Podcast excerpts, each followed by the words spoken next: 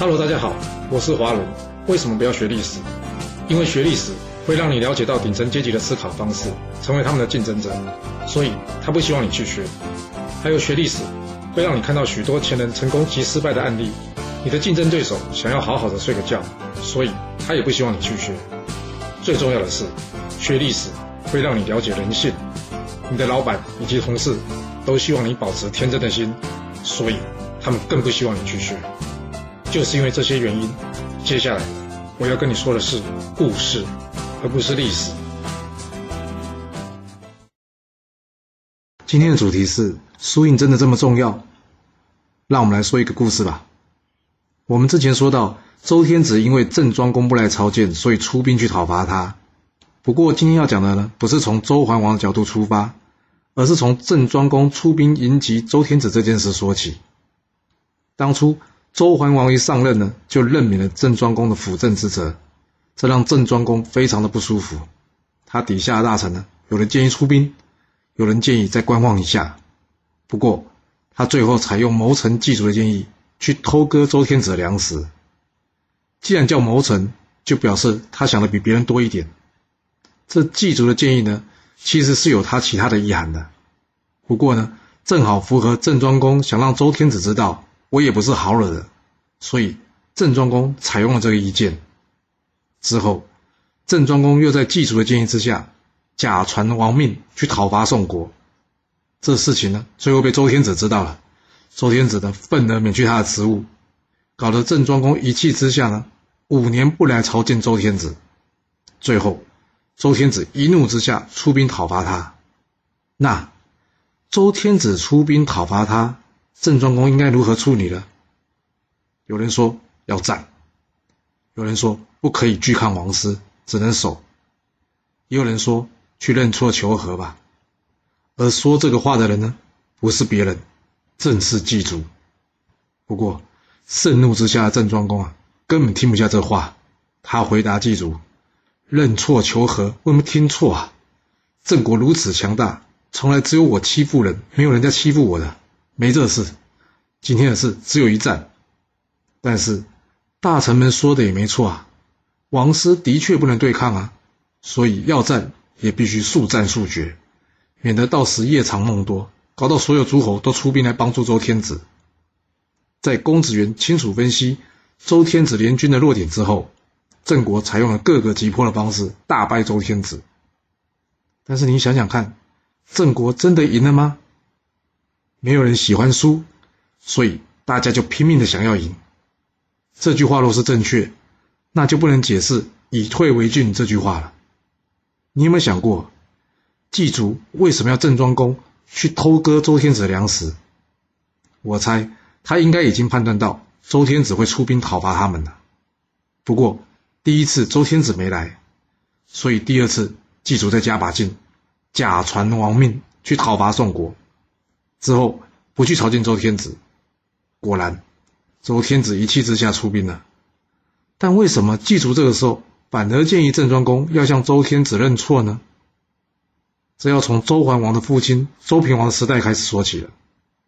因为当时周平王因为惧怕郑庄公，所以呢主动提案将自己的王子与郑国的世子交换做人质，这是非常有名的周郑交质。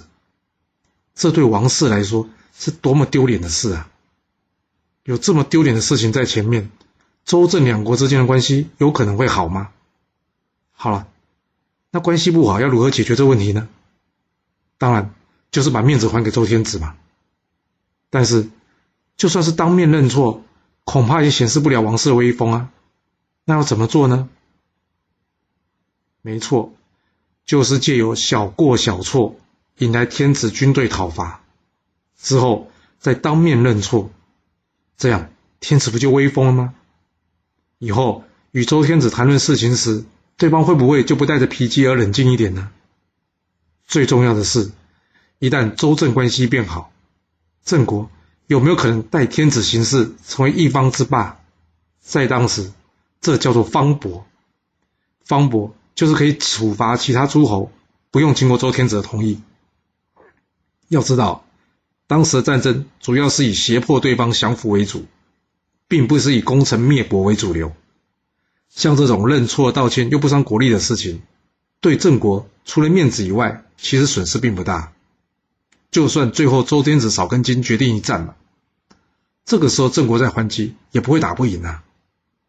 不过很可惜的是，季竹虽然计划好了，却没有算到一直老谋深算的郑庄公，这次却只因为只想赢而错失良机。他不愿意受辱，只想教训周天子。所以一气之下，根本不听季竹的建议，决定出兵对抗王师。季竹见到郑庄公的气头上，也就没有办法提供正确的建议了。毕竟他也还没到可以算到每一步的能力，不然也不会发生后面郑庄公之子郑昭公被杀的事了。要知道，在当时对抗王师可是犯了死罪。要命的是，郑庄公的下属公子元。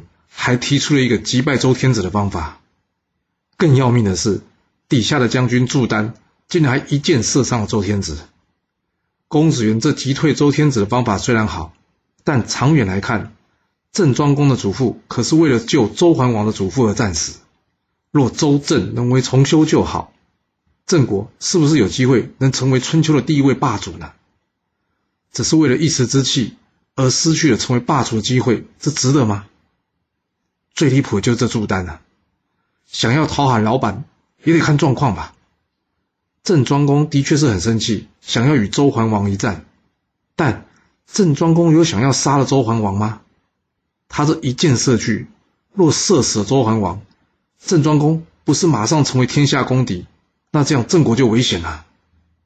若抓到了周桓王，就像郑庄公自己说的，那他是要赦免周桓王吗？有这种下属原谅上司的说法吗？其实郑庄公算是对祝丹不错了，只是没有奖赏他，而没有处罚他。不过这祝丹呢，却觉得郑庄公处事不公啊，最后啊气到生病而死。说实话，到底是病死还是被郑庄公做掉，还真不知道。想要在老板面前有什么表现呢？一定要先知道老板真正的想法，或是说他冷静下来后会怎么想。你看这公子元嘛。虽然是出了一个很好的计策击败周桓王，但到最后呢，还有得到郑庄公重用吗？郑庄公在死之前，在他病榻之前的人依旧是祭祖啊。那我们回过头来说吧，在办公室中呢，若是你不小心让主管很没有面子，那你要如何让他消消气呢？或许你可以参考祭祖的方法，找个小过小错，让他有机会在大家面前发个脾气，骂骂你。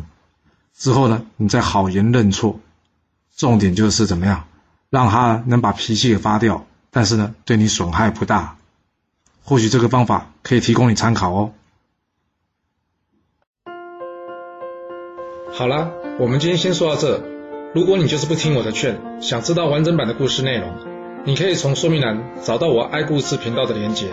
不过记住哦，你是来听故事的，而不是来学历史的。要是您喜欢这个频道，麻烦您动动您的手指，追踪、留言，或是给我五星评价的支持以及分享，谢谢您来收听，我们下次再见。